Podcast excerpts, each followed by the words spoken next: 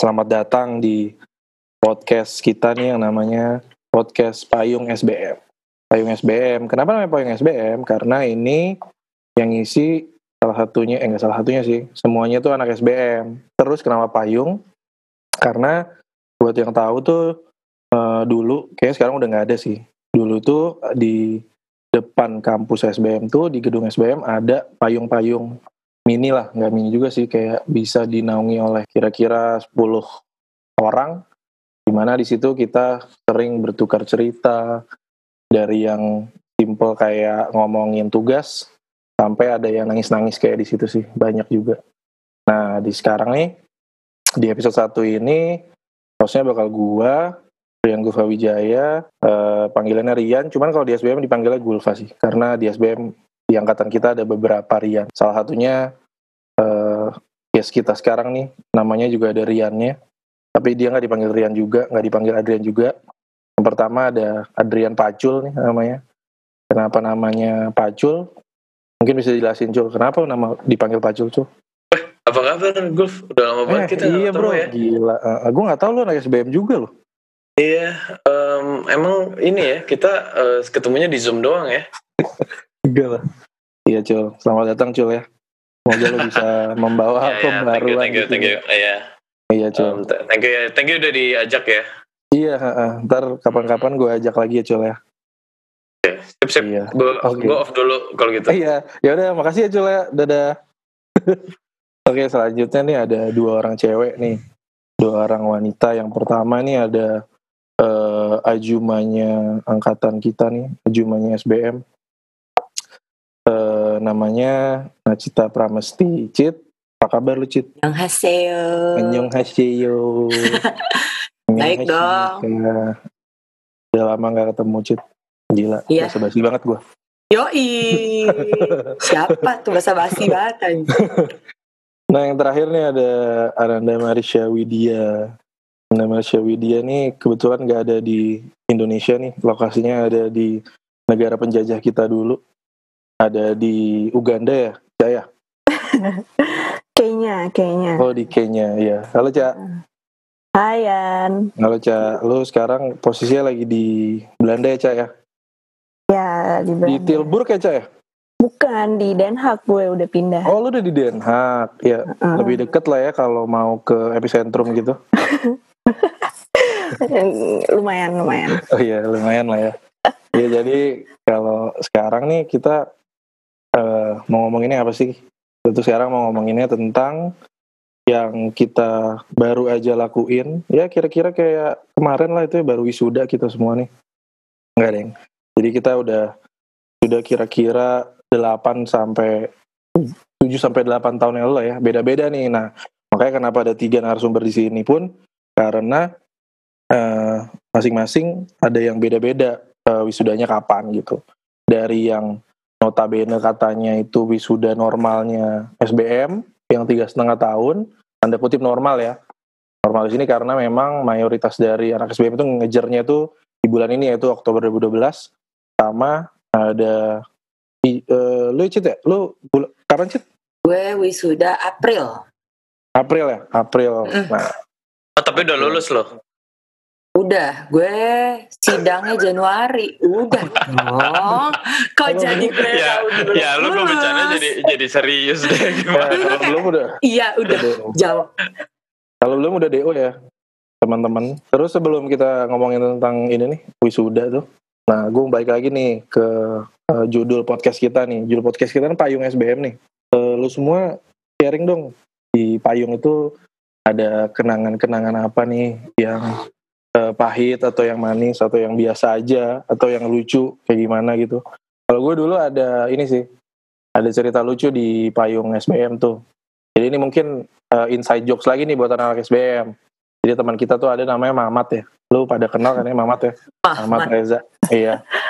Jadi suatu hari tuh di payung, Mamat uh, kayaknya sore-sore dia tuh lagi cabut uh, rapat something gitu, rapat himpunan gitu dia ke bawah tuh ke payung. Terus dia nemu orang gondrong.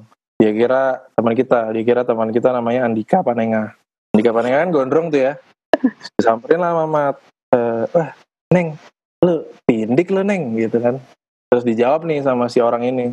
Udah lama kali katanya gitu. Terus pas dilihat eh ternyata kata Mamat oh lo Lix. Ya Lix ya. Lu belum pada tahu ya cerita itu ya Nggak tahu gue. nah ya itu ada cerita lucu di payung gitu sih karena mungkin kalau malam gelap ya payungnya jadi bisa salah orang gitu Eh gue gue mau nanya sih. apa Tadi tuh lu bilang, lu bilang dulu di eh, dulu ada kayak payung-payung gitu di SBM. Memang sekarang udah nggak ada. Setahu gue udah nggak ada ya Cu? udah nggak ada. Gue terakhir. Eh, gue tuh bahkan sampai foto gue di situ nggak ada payung-payungnya lagi. Sedih ada. banget. Jaket hujan sekarang langsung biar Hah? cepet. Oh iya, iya benar-benar. Jaket Kayak Tyvek lapangan gimana? gitu ya. Terus jadi apa itu si payung-payung itu? Jadi eh dan tempat duduk sih. Tapi Setahu yang gue pasti kayak ada. kanopi-kanopi gitu ya Cit ya? Ya pasti pokoknya udah nggak ada. Payungnya deh kayak sedih gitu loh kayak ya Kan eh, medali kita payung SBM juga ininya. Oh iya medali. emang iya ya. Iya. Medali apa ya cak? Makanya buruan Cit. Biar Oh ya, sorry itu. Oh iya sorry. Oh, Tahu dia, tahu. Uh, Medali pernikahan ya maksudnya di sini ya. pernikahan. Uh, uh. Berarti Kawan deh. kalau yang nikah lebih dari sekali dapat medalinya dua apa enggak itu? Sesuai info sih Ah. dua ya. Oh gitu. Dua tapi cashback. Berapa persen? Gue ingatkan juga di sini kalau mau ngomong apa juga boleh-boleh aja ya. Tapi selain ceritanya si Gulfa tadi ada yang ini enggak lucu di payung nggak? Gue sih sedih Gua- ada. gua- Nah coba-coba Cit yang sedih Cit. Ya kalau yang sedih mah membuka kisah-kisah lama tuh di payung. Nggak apa-apa nanti nama disamarkan. Heeh. Itu Cit, buat Nah, kita nostalgia. Nama disamarkan tempat Iya. tempat jajan makan di situ. Habis Hmm. jajan tau gak sih yang ada warung di bawah pagar itu? Ya, itu cuma Hmm. satu tahun doang kan ya, tapi kita ngerasain itu. Iya, terus tempat berantem, tempat belajar. Terus gue pertama kali tahu ada Running Man di situ tuh. Kali itu lagi lagi awal-awalnya Running Man kan. Terus yang siapa ya? Kayak ada lo gak sih? Gue gue inget banget ada ada Isan juga. Terus kayak lagi pada heboh nonton di laptop kan. Apa sih apa sih? Ini ada Running Man variety show-nya Korea kayak lucu banget. Kalau nggak salah yang tukang download tuh si Isan. Sampai Iya. dia ada niatan buat ngebajak bikin pakai CD mau dijual ke anak-anak. Kan otaknya cuan banget tuh. Bisa Makanya masuk di situ penjara ya. SBM. Makanya jadi anak SBM. Betul, Cit, betul. Citan. Ya makanya sih. Gue tau Running Man di situ sih di payung. Cuman ya sih gue juga dulu kayaknya kena racun Korea tuh waktu di SBM sih. Salah satunya. Iya kan? turut, Heeh. gue turut turut berduka tapi Gulf ya. Nggak gitu dong. Kenapa berduka sih? Eh tapi kalau di payung sebenarnya eh, pasti nongkrongnya ngegeng gitu nggak sih? Kalau nggak segeng pasti em, pasti kayak eh gue harus ke WC dulu nih gitu. Padahal sebenarnya karena nggak nyampe. Harus beda payung ya Cul. Ada payung tetangga, payung sebelah. Jadi walaupun tambah akrab tapi kalau eh, belum belum belum kenal nih sebelumnya nih pasti malah jadi geng-gengan gitu nggak sih? Apa Hmm. enggak? Yang gue inget tuh dulu suka ada di payung si ini si Miss Francis. Oh iya. Oh iya. Hmm. Iya. Malah waktu sambil siapa merokok gitu. Iya, teman kita ada kok yang bagi rokoknya, kalau nggak salah. Oh iya. Siapa? Bener. Ada ada, sumpah. Bagi rokok. Prancis boleh bagi rokok. Pakai bahasa Inggris atau bahasa Indonesia? Ya itu dia, kayaknya bahasa Inggris sih. Kita kan soalnya waktu itu belum bisa bahasa Inggris dong. iya betul. Jadi gue juga makasih sama SBM udah ngajarin gue bahasa Inggris sih.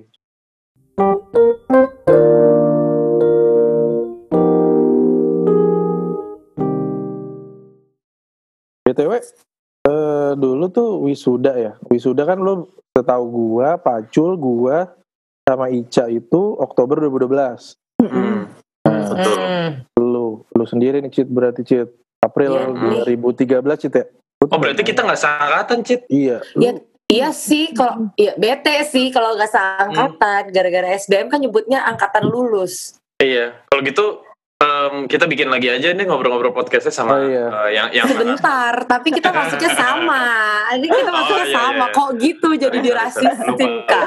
Di Jangan dong. apa namanya eh, O- O- OSKM-nya bareng ya, OSKM. Oh iya. Eh emang kita SKM kita pro KM tau? Pro KM, Pro KM, ya ya. Pro KM. Bedanya? Iya, ya, Bedanya shit. singkatannya sih. beda Cheat different name lah. beda Bang. Iya. Iya, beda Lu tuh waktu itu cheat kan ada kayak November, Desember, Januari, Februari, Maret sampai April tuh.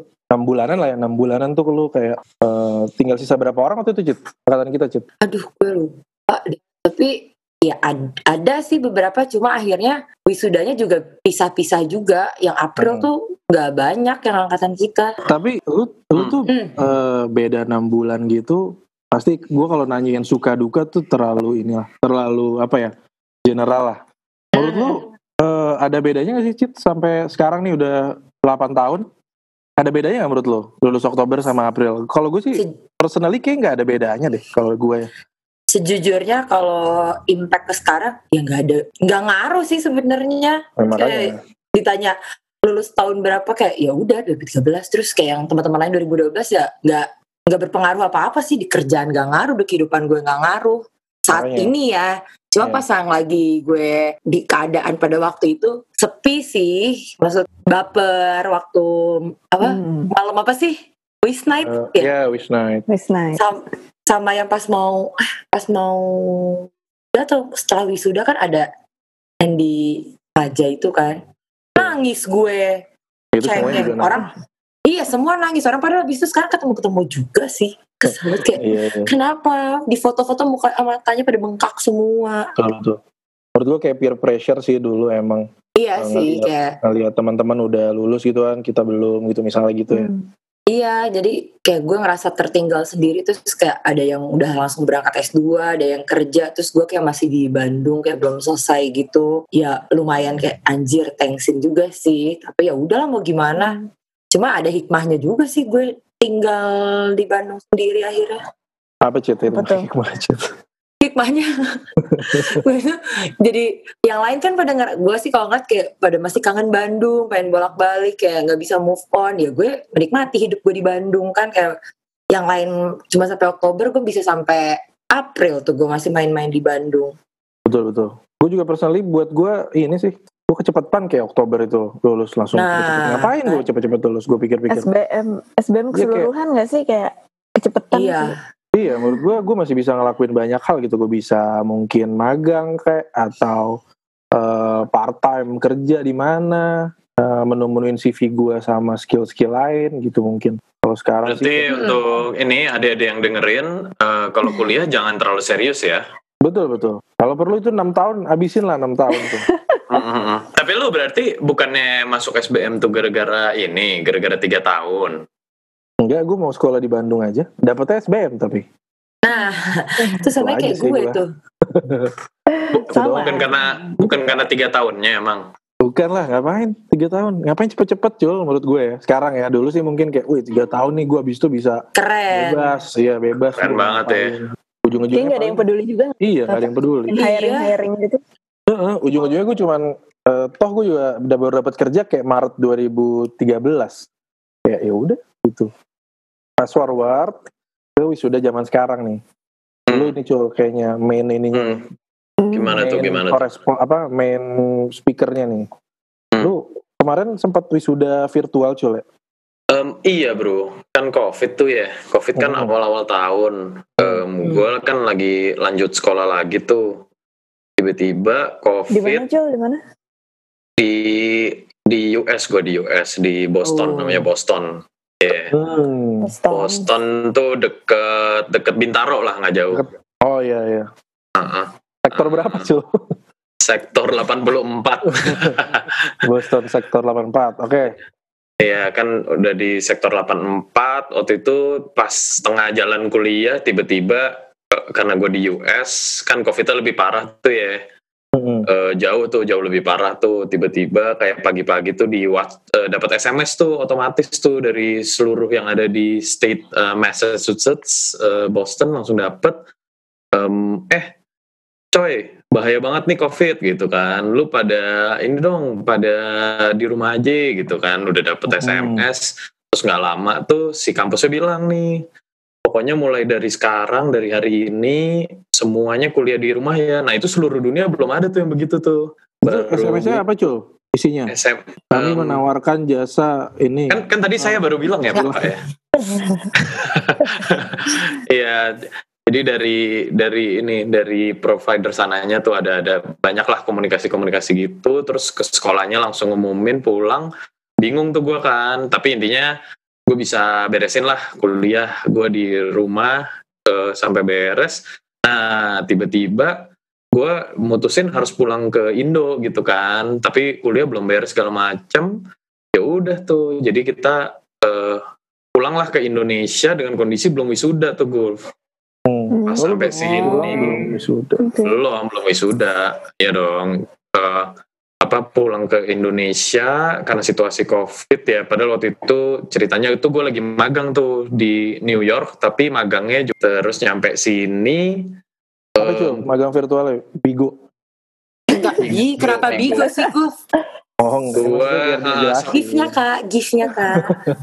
ya, jadi di waktu magang di Bigo tuh banyak sih yang nonton gue live tuh banyak sih Iya. Wow.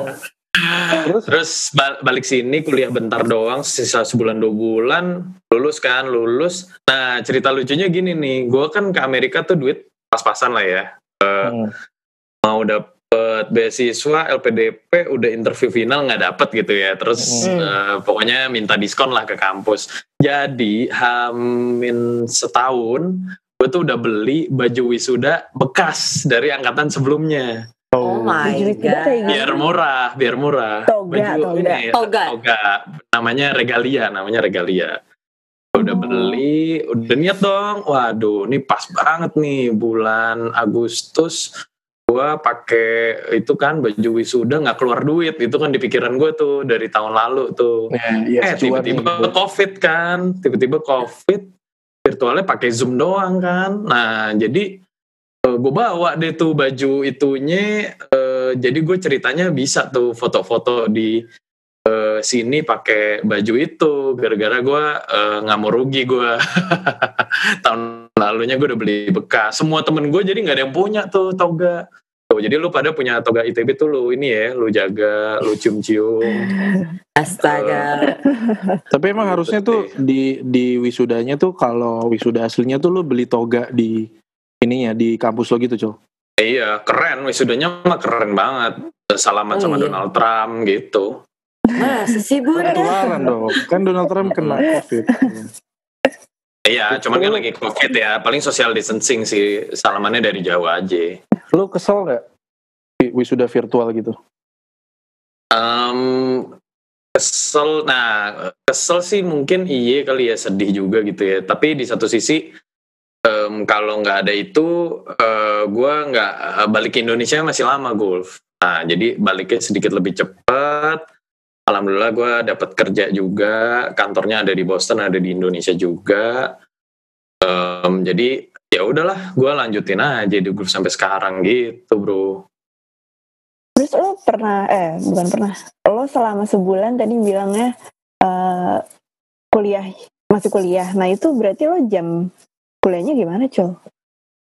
Em, Iya bener tuh, jadi gue ngikutin jam sono tuh beda 12 jam cak. Jadi gue Ah. kalau pagi gitu kan, gue sarapan, habis itu gue tidur, gue langsung pakai piyama, tidur gue. Ngapain sarapan lu? Sahur namanya. Nanti malam-malam jam 11 jam 12 gue siap-siap. Em, Lunch. udah gue zoom zoom zooman aja tuh jam 11 12 malam gue. Terus Oh, Oh, udah gue kuliah tengah malam. Itu ada dua tiga kali gue ketiduran dah tuh bener-bener ketiduran gue. Nggak jelas deh ngomong apaan gitu. Yang penting gue ini aja. Terus gue sambil kerja juga, Cak. Jadi gue udah kerja di Indonesia juga. Jadi sebenarnya lumayan Hmm. melanggar hukum sih gue. Semoga nggak ada yang ini ya kerja di bidang hukum nih yang nonton ya. Bisa, Nah, halo. bisa diambil ijazah gue, Cak. karena lu udah kerja dulu sebelum lulus gitu. Iya, nah, eh, nah ternyata pokoknya dengan berbagai cerita itu uniknya nih ya nilai gue kan banyak C semua nih cak ya cak cheat golf Hmm. banyak C semua Eh, em, pokoknya gue juga ini ya pokoknya udah udah setengah mati lah kuliahnya. Eh ternyata di luar dugaan gue tuh eh, cerita-cerita lucu-lucu gue itu ternyata ngebuat gue mereka bilang tuh waktu sudah virtual eh kamu di Indonesia ya? Sekalian deh kamu jadi graduation speaker gitu. Jadi gue jadi graduation speaker tapi Oh, tapi virtual. Jadi gue eh, udah siap-siap lah pakai jas di depan laptop aja udah. Pakai toga lo nggak? Kayak enggak enggak em, eh, malu dong gue ketahuan teman-teman gue dong. pada Lu nanya juga- ya kok lu kamu kan- punya gitu Lu juga kan, kan ini kan, ini C stiker nggak apa-apa pada pengecualian lu dapet banyak C itu juga sengaja kan Cul sebenarnya Em, iya sih, kayaknya C itu kan paling pas lah ya, kayak Iya, C A, kan B itu basi gitu, heeh. C gitu. Jadi, emang gue udah bilang ke dosennya gitu, kalau bisa Iya. tuh kasih nilai saya yang C aja lah pak. Gitu. iya iya iya cukup aja nggak usah berlebihan nggak sih Kalau di Amerika C itu em, lebih bagus dari A golf. Mm-mm. Apa tuh? Kok bisa? Em, ya memang memang em, em, em, sistem akademis di Amerika sedikit berbeda sih. Jadi Iya. memang heeh. Nah, itu- nanti nanti nanti di podcast podcast berikutnya gue cerita lah. Emang. Oke, ditunggu loh. berat lah berat di sana. Jadi Mm-mm. konsistensi di nilai C itu memang yang harus diapresiasi sih kalau menurut saya ya. Oh wow, congrats ya Co. Nanti gue mau coba kasih masukan juga ke ITB gitu. Jadi Oh, jangan gitu. jangan terlalu kumlot kumlot gitu jangan lah. Iya. Kan iya. nyambung C. Kata lu kalau lu lulusnya telat eh, karir kan jauh lebih baik kan. Nah makanya ini Enggak, gue gue nggak bilang jauh lebih baik. adik-adik yang nonton gitu ya. Gue nggak bilang jauh lebih baik, tapi Ini ada Ibu in Cita gitu ya, jadi bos di Pertamina sambil Amin. eh, penggemarnya juga banyak di di- Wow. uh, K- K-pop dan Korea gitu udah udah udah bisa live streaming gitu kan. Eh nggak bisa gitu. swipe up udah bisa swipe up Belum. belum oh belum Belum bisa kak, saya kan bukan saya tuh c- cuma remahan debu sebentar lagi aja. sebentar lagi bisa swipe up Masih lama.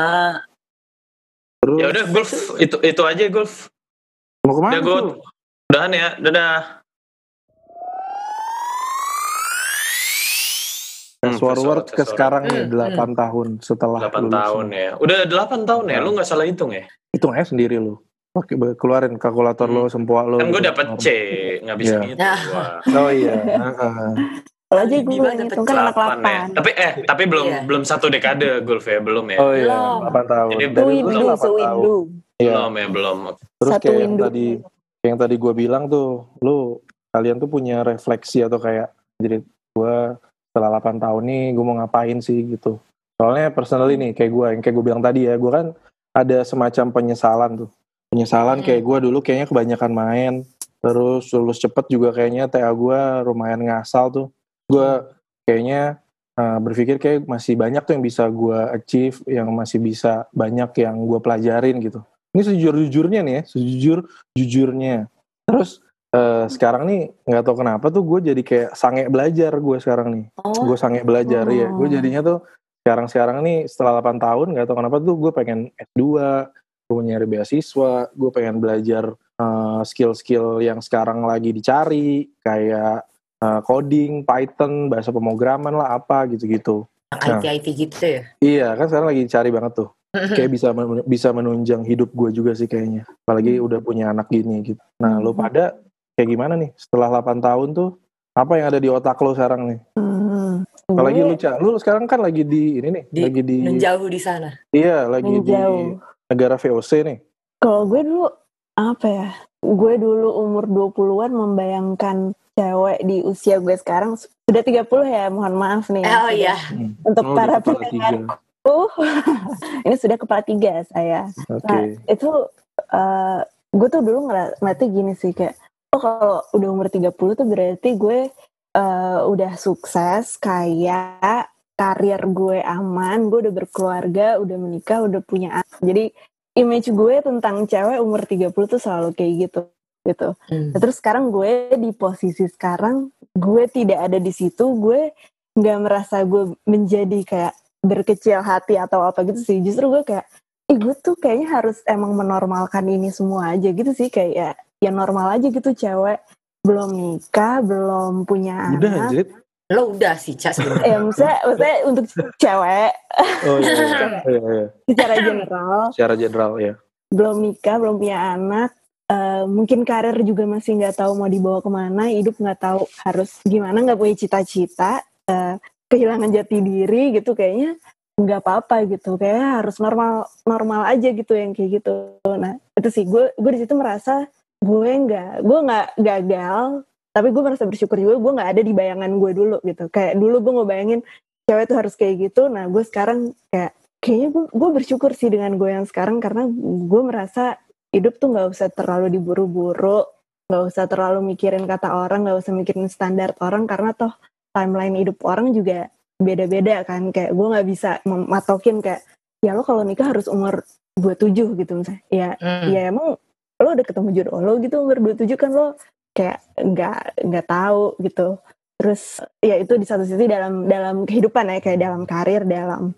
ber, berpasangan itu gitu terus eh, mungkin hmm, kenyataan bahwa gue ada di sini sekarang juga ya itu gue nggak pernah menyangka sama sekali sih kayak dulu Di cuma- podcast ini, Cak.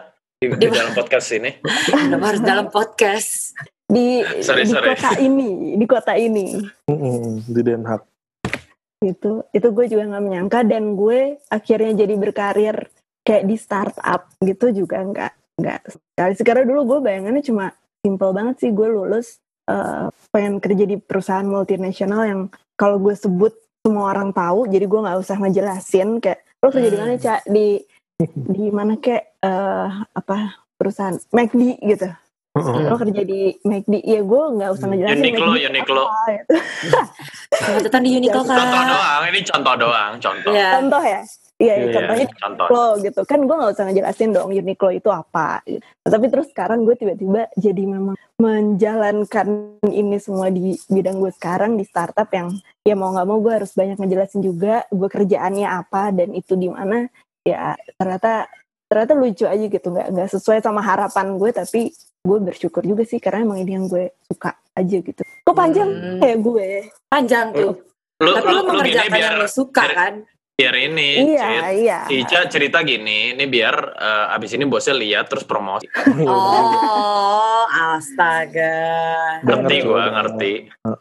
tolong dipotong aja ya Vin Tapi tuh emang maksudnya pas zaman dulu stigma umur 30 tuh cewek tuh pasti kayak udah bayangannya kayak udah nikah. parah punya anak parah tuh. parah parah tuh gue juga dulu pernah mengalami kayak gue idealnya gue ngeliat orang nikah 24 25 30 tuh at least udah punya satu anak bahkan Iya bisa dua anak. Iya, itu iya. tuh karena gue rasa tuh kayak maksudnya sekarang nggak kayak gitu per, pergeser apa perkembangan zaman gak sih kayak emang pa- pada Hmm. pada zaman kita dulu muda ya emang pada saat itu banyak cewek-cewek emang rata-rata ya nikah tuh di 24 25 dan gue pikir Mhm. di angka 24 25 tuh orang tuh di kantor tuh kayak udah sukses banyak duit segala macem.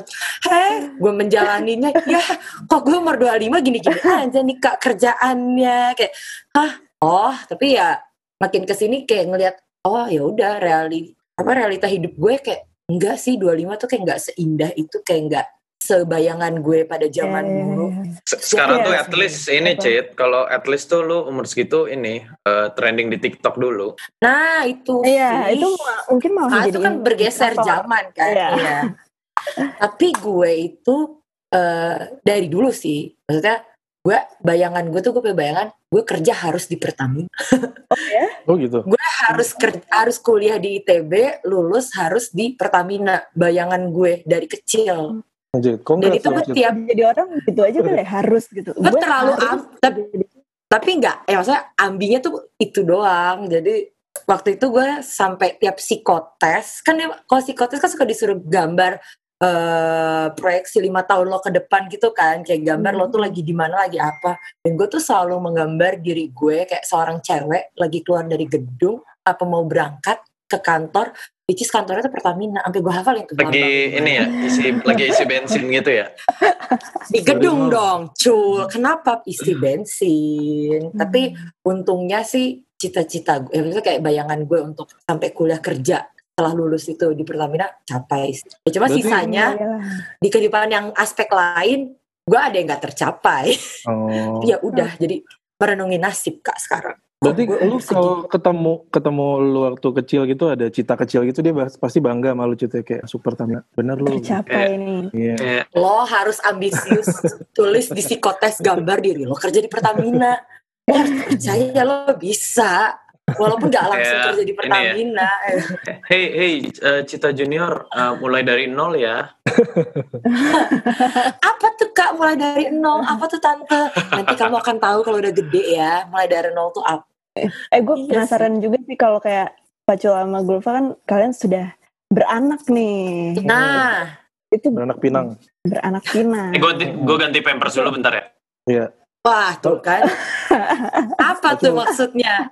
Enggak dia pakai adult diapers, Pacul. Oh, oh wow. Iya. Ya bukan gua kali. Apa apa Cak lu penasaran apa Cak? Nah, kan Tanya lo ya gimana lo dari kuliah nih lo di 2012 nih terus Hmm. tiba-tiba melihat lo sekarang di 2020 sudah mempunyai anak tuh lo kebayang gak sih kayak ya gue emang 30 emang udah Harus harus, punya punya, anak. sih ha, atau sebenarnya gimana Gue gue kebayang, eh gue akan punya anak nih. Cuman eh, udah nikah belum ya gitu, belum tahu itu bagian itu. Anak- oh, DP dulu ya. Eh, anak dulu baru nikah. Kalau Ya kalau gue mah semuanya ini ca, semuanya nggak nggak nggak apa ya, eh, nggak nggak nggak pernah punya bayangan-bayangan gue, jalanin aja. Tapi cowok-cowok tuh ada gak sih stigma kayak cewek-cewek? Haha. Apa Kan ya? kalau cewek-cewek itu kalau ngeliat 30, ya udah punya anak, Hmm, udah nikah. hmm, gitu. hmm. Kalau cowok tuh ada gak sih bayangan kayak gitu loh? Gue waktu dulu tuh gue inget tuh, gue tuh masih kecil tuh eh, nggak tahu kenapa gue punya target gue nikah umur 27 waktu gue kecil ya. Tapi seiring berjalan, ya? Iya umur SD lah gitu. Wow. Tapi seiring berjalan Dewasa ya? Pikiran lo SD udah mikirin nikah. kayak emang pikiran gue tua deh emang badan gue eh, pikiran gue kayak dua kali di atas umur gue gitu dua kali lipat gue tuh masih kecil tuh ada pikiran gue 27 nikah gitu cuman seiring berjalan waktu waktu gue udah remaja waktu gue gede tuh hilang sebenarnya target itu cuman Hmm. nggak tahu kenapa baru pas gue nikah tuh gue inget oh iya gue dulu tuh punya target umur 27 nikah dan secara nggak langsung tiba-tiba emang tercapai gitu. Wow. terus iya nggak tahu kenapa. Cuman kalau punya anak sih ya sama kayak pacul sih.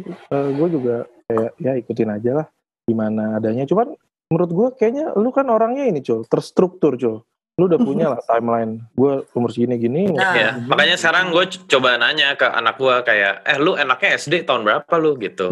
Gue coba, Nah, mas, Ah, nanya gua- ke anak lo, Cun. iya gue coba atur dari sekarang gitu kan katanya harus banyak komunikasi kan. Jadi gue coba udah mulai nanya gue. nanya apa aja tadi lu mau SD kapan gitu ya iya iya. heeh. Kayak lu mau apa? TKA apa TKB dulu? iya iya Mau playgroup nggak? eh, Mm-mm. Lu mau TK Kayak- unggulan apa enggak gitu ya Iya, eh, lu mau nanti eh, TK-nya sama anak artis juga nggak gitu biar Iya. Wow. Kayak gue denger lu mau ini ya ngincer cikal sama high scope ya. Coba lu cari beasiswa dari sekarang gitu kan.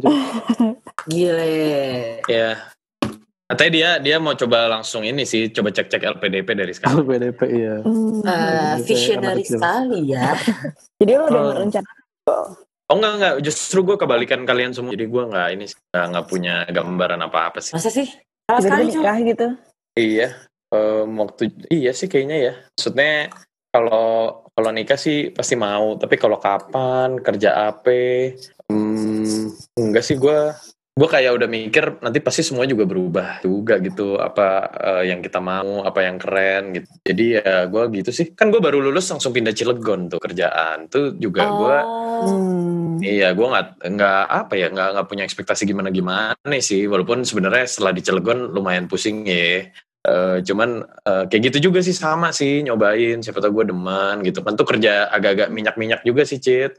Nah, Cuman ternyata gue kagak demen sih minyak gitu. Makanya abis itu gue eh, sempat pindah lagi, pindah lagi. Kalau S2 lo merencanakan nggak? S2 gua lebih nggak terencana lagi ya. gue cuman mikir waktu gua sempet join EY ya, itu kayak gua ternyata secara kayak semua orang tuh IP-nya pada tinggi-tinggi banget waktu S1 tuh Cak. Terus gue mikir kan, ini kerjaan gue main mulu sama Gulfa tuh. Gulfa aja nyesel kan. Sama, jadi kita berdua tuh eh, nangis gitu di Tubagus Ismail tuh. Iya. Sebenarnya di tahun terakhir tuh kita eh, eh, wow. nangis gitu di "Eh, kayak kita ngapain aja sih Gulf ke, ke main kombang mulu gitu kan harusnya kita bikin grup belajar sama siapa kayak gitu ya Iya. Heeh. Harusnya gue bikin Gojek dari dulu sebelum ada. gitu. Heeh. Heeh, terus em, ya udah gitu aja sih nah makanya waktu gue di situ gue baru nyadar kayak em, mungkin harus belajar sih cuman kan ujung-ujungnya itu ya tadi gue cerita juga ya gue sama di US hampir eh, kebanyakan ini ya kali ya networking gitu cak ngobrol-ngobrol which is gue pernah cerita sama lu sama Wicak juga Hmm. Em, sampai kebablasan tuh gue temenan sama bos EY Amerika. Sekarang gue kerja di Hmm. IDC gue temenan sama bos IDC eh, Amerika gitu. Walaupun belum tahu juga habis temenan terus mau ngapain gitu kan nggak tahu. Em, ya mungkin di situ sih yang gue rasa gue nggak sama orang yang lebih pinter. Gue nggak bisa saingan tuh sama si Petrus di Wharton gitu kan kampusnya Oh. Donald Trump. Tuh Petrus bisa tuh nanti reuni eh, akbar gitu kan ngajak Donald Trump eh, bisa orang satu kampus kan bikin grup WhatsApp gitu invite Iya. Donald Trump boleh dia tuh sih Ca jadi ya Hmm. itulah makanya deket-deket aja sih sama eh, yang pinter-pinter kayak Petrus gitu sih biar ah, biar nanti lu diajak Ca diajak jadi Hmm. pinter juga Ca Oke, Terus memanfaatkan. dari dari tadi kan udah ngomongin ini ya kayak target nih target terus kayak sekarang maunya gimana begitu dari dulu refleksi kita eh, dari lulus sampai sekarang tuh yang mau gue tanya nih ke kalian eh, lu semua tuh sadar gak sih dulu waktu bikin target tuh kalau di balik target-target dan keinginan kalian tuh ada yang harus kalian korbankan gitu kayak sekarang nih gue ngerasain nih gue pun pengen punya anak nih misalnya Cuman kan sebenarnya tuh lu punya anak tuh ada yang lo korbanin gitu. Kayak contoh kecil tuh buat gua punya anak berarti lu nggak bisa main PS sebanyak-banyak tuh, sebanyak yang gua dulu bisa lakuin gitu. Dan gua nggak aware tuh. Dulu tuh gue mikir, ah bisa-bisa aja lah gue main PS sambil punya anak gitu. Nah tuh nggak bisa sekarang gitu. Apalagi gue sekarang nih, misalkan gue ngelihat istri gue sekarang nih buat eh, lu berdua cheat, Cak. Misalkan kayak sekarang nih punya anak. Jadi eh, istri gue tuh eh, secara nggak langsung nggak tahu dia dulu sadar apa enggak tuh berarti dia ngorbanin kayak mungkin beberapa tahun dalam hidupnya tuh buat menyampingkan yang dia mau atau yang pengen dia capai buat ngurus anak gitu.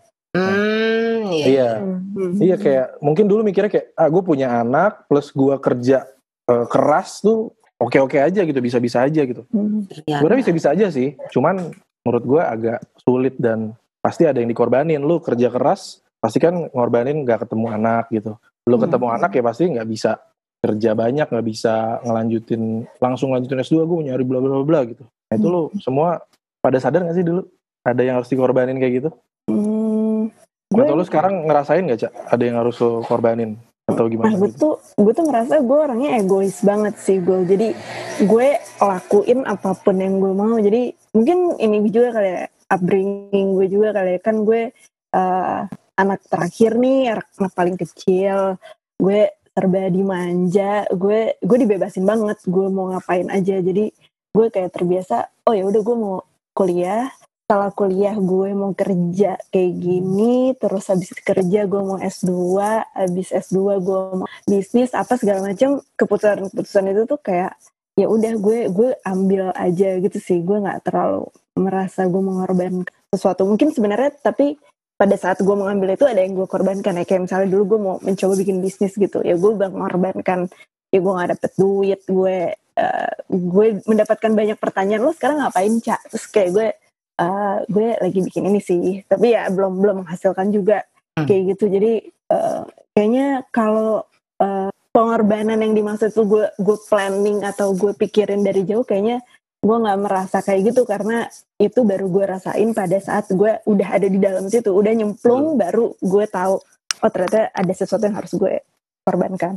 Kayak gitu sih kayaknya kalau gue. Atau kalau yang Waktu nggak sih? Eh nggak tahu sih kalau korbanin waktu. Itu pasti ya sih. Iya pasti. Kalau ya Hmm. kalau gue sih eh, apa ya yang gue gue nggak tahu sih. Gue kayaknya mungkin lebih ke waktu sih. Jadi bagi waktu. Ya gue harus ngelakuin apa harus ngelakuin apa tuh jadi banyak berkurang gitu loh. Karena gue mesti fokus ke sini, fokus fokus ke sini. Ya kayak kalau gue sih sekarang gue kan kerja ya. Terus dan gue sekarang juga gue baru mau memulai bisnis bisnisnya adalah bisnis yang berlandaskan dari hobi gue sendiri. Nah itu sekarang gue mulai fokus ke situ dan akhirnya waktu gue mungkin kayak buat anak-anak sih kayak gue kadang-kadang sosialisasi ke anak-anak tuh jadi kurang. Terus kayak nyari kehidupan percintaan pun gue jadi ya udah jadi lupa gitu loh karena waktu gue penuh kayak gue weekdays gue ada kerja terus gue bisa ngurusin si bisnis gue weekend gue full buat di in fashion juga gitu jadi kayak Hmm. Ya udah kalau tiap ditanya lo ke mana? Ya gue in fashion gue nggak bisa. Ya lo ini. Terus kayak mau ke teman ya gue ada ini. Lo tahu kan gue sibuk? Harus di bookingnya seminggu sebelum. Jadi kayak ya eh booking cewek bookingan dong gue. Kayak tapi ya itu kayak gue lebih banyak ngorbaninnya jadinya harus milih sih. Kayak gue mau Hmm. ke teman-teman ke anak-anak yang kumpul SBM atau gue ke di Infashion ini komunitas. Karena kan biasanya paling intens waktunya ke kalau ngumpul kan weekend kan. Sedangkan gue malah weekend gue tuh full buat invasion dan gue emang lebih memilih ke sana gitu. Dan apalagi sekarang gue lagi nge mendirikan sebuah sesuatu komunitas menjadi sesuatu yang lebih gitu sih. Tapi ya nggak gue sesali juga sih. Karena ya gue enjoy banget sih. Kayak selagi bisa gitu gak sih Cit? Kayak kayak selagi bisa gitu gak sih? Selagi selagi berambisi selagi punya waktu iya karena gue ya ngerasa gitu. nah kayak Gulfa cerita kan yang dia istrinya tuh jadi mengorbankan banyak waktu gini ya. Gue juga bisa bilang bersyukur ya. Ya bersyukur juga sih. Maksudnya gue di umur gue segini tiba-tiba gue dapet plus plus plus kayak gue bisa ngelakuin apa yang gue mau dan posisi gue masih Hmm, hmm, hmm. sendiri gitu. Maksudnya gue belum Hmm. berkeluarga gitu. Jadi belum ada yang bisa membatasi gue untuk se- eh, ngelakuin yang gue pengen. Paling kan cuma nyokap tapi kan nyokap kan paham lah tahu apa yang gue mau kan jadi jadi nggak jadi ya lurus-lurus aja gitu. Jadi nggak ada yang bisa Hmm. ngerasain gue gitu loh. Bukannya gue bilang kehidupan berkeluarga tapi kan ketika lo udah berkeluarga lo punya mempunyai batasan tersendiri gitu lo nggak Hmm, bisa hmm. sebebas kayak gue sekarang gitu. Gue ngerasain karena tiap gue mau ketemu sama yang udah maksudnya udah berkeluarga tuh gue harus menyesuaikan mereka jamnya. Nggak bisa ngasal. Kalau lagi single kan eh ini yo yaudah gue gabut gini. Kayak udah se easy itu kan. Kalau sekarang tuh enggak tapi sedangkan gue masih bisa ke mana-mana ya. si si Cita Santai nyindir itu. ini nyindir mau main ke rumah gue rebek enggak dong cuy. Enggak lah. Gue gue enggak gitu maksudnya.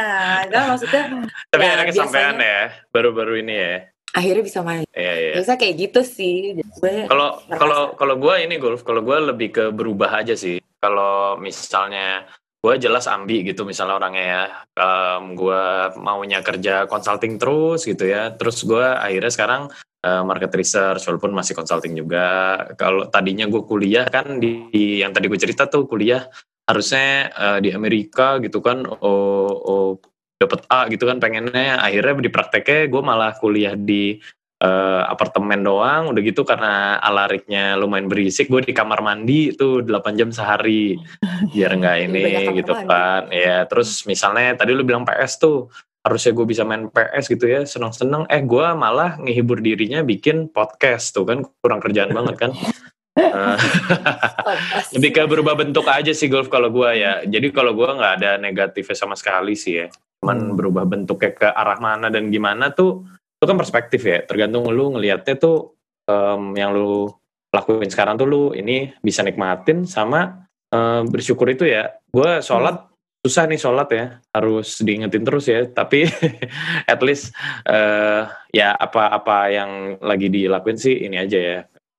Ya disyukurin kali ya le kata-kata yang tepat ya. Harusnya sih disyukurin plus sholat lima waktu sama sholat sunnah ya paling bener mah begitu Gulf sama Oh, iya. puasa cul Heeh, sama naik haji. sama umroh naik haji sama naik jika haji. mampu ya ya benar-benar benar Iya, iya. Gue kira tadi yang lo korbanin jadi kayak nggak bisa deketin banyak cewek gitu. Cuma Hmm, enggak sih kalau gue tuh emang nggak nggak ini Oh, tetap pernah sama cewek Masih ya, emang agak agak susah gue komunikasi sama cewek-cewek itu Emang itu itu nggak gue korbanin kok kata Baju. enggak sih gue uh, Iya iya. Ya paling ya apa apa cak? gue jadi menyadari mungkin misalnya gue sama Cita kan belum punya anak ya jadi Hah, kayaknya itu itu Enggak. nah, lo nggak tahu Ya, terus eh kayaknya itu itu tuh jadi udah fase berbeda gitu deh kayaknya ya nggak sih? Kayak hmm, punya anak tuh udah masuk ke dimensi lain lagi gitu loh yang emang dunia oh, baru gak sih? Ah, ah.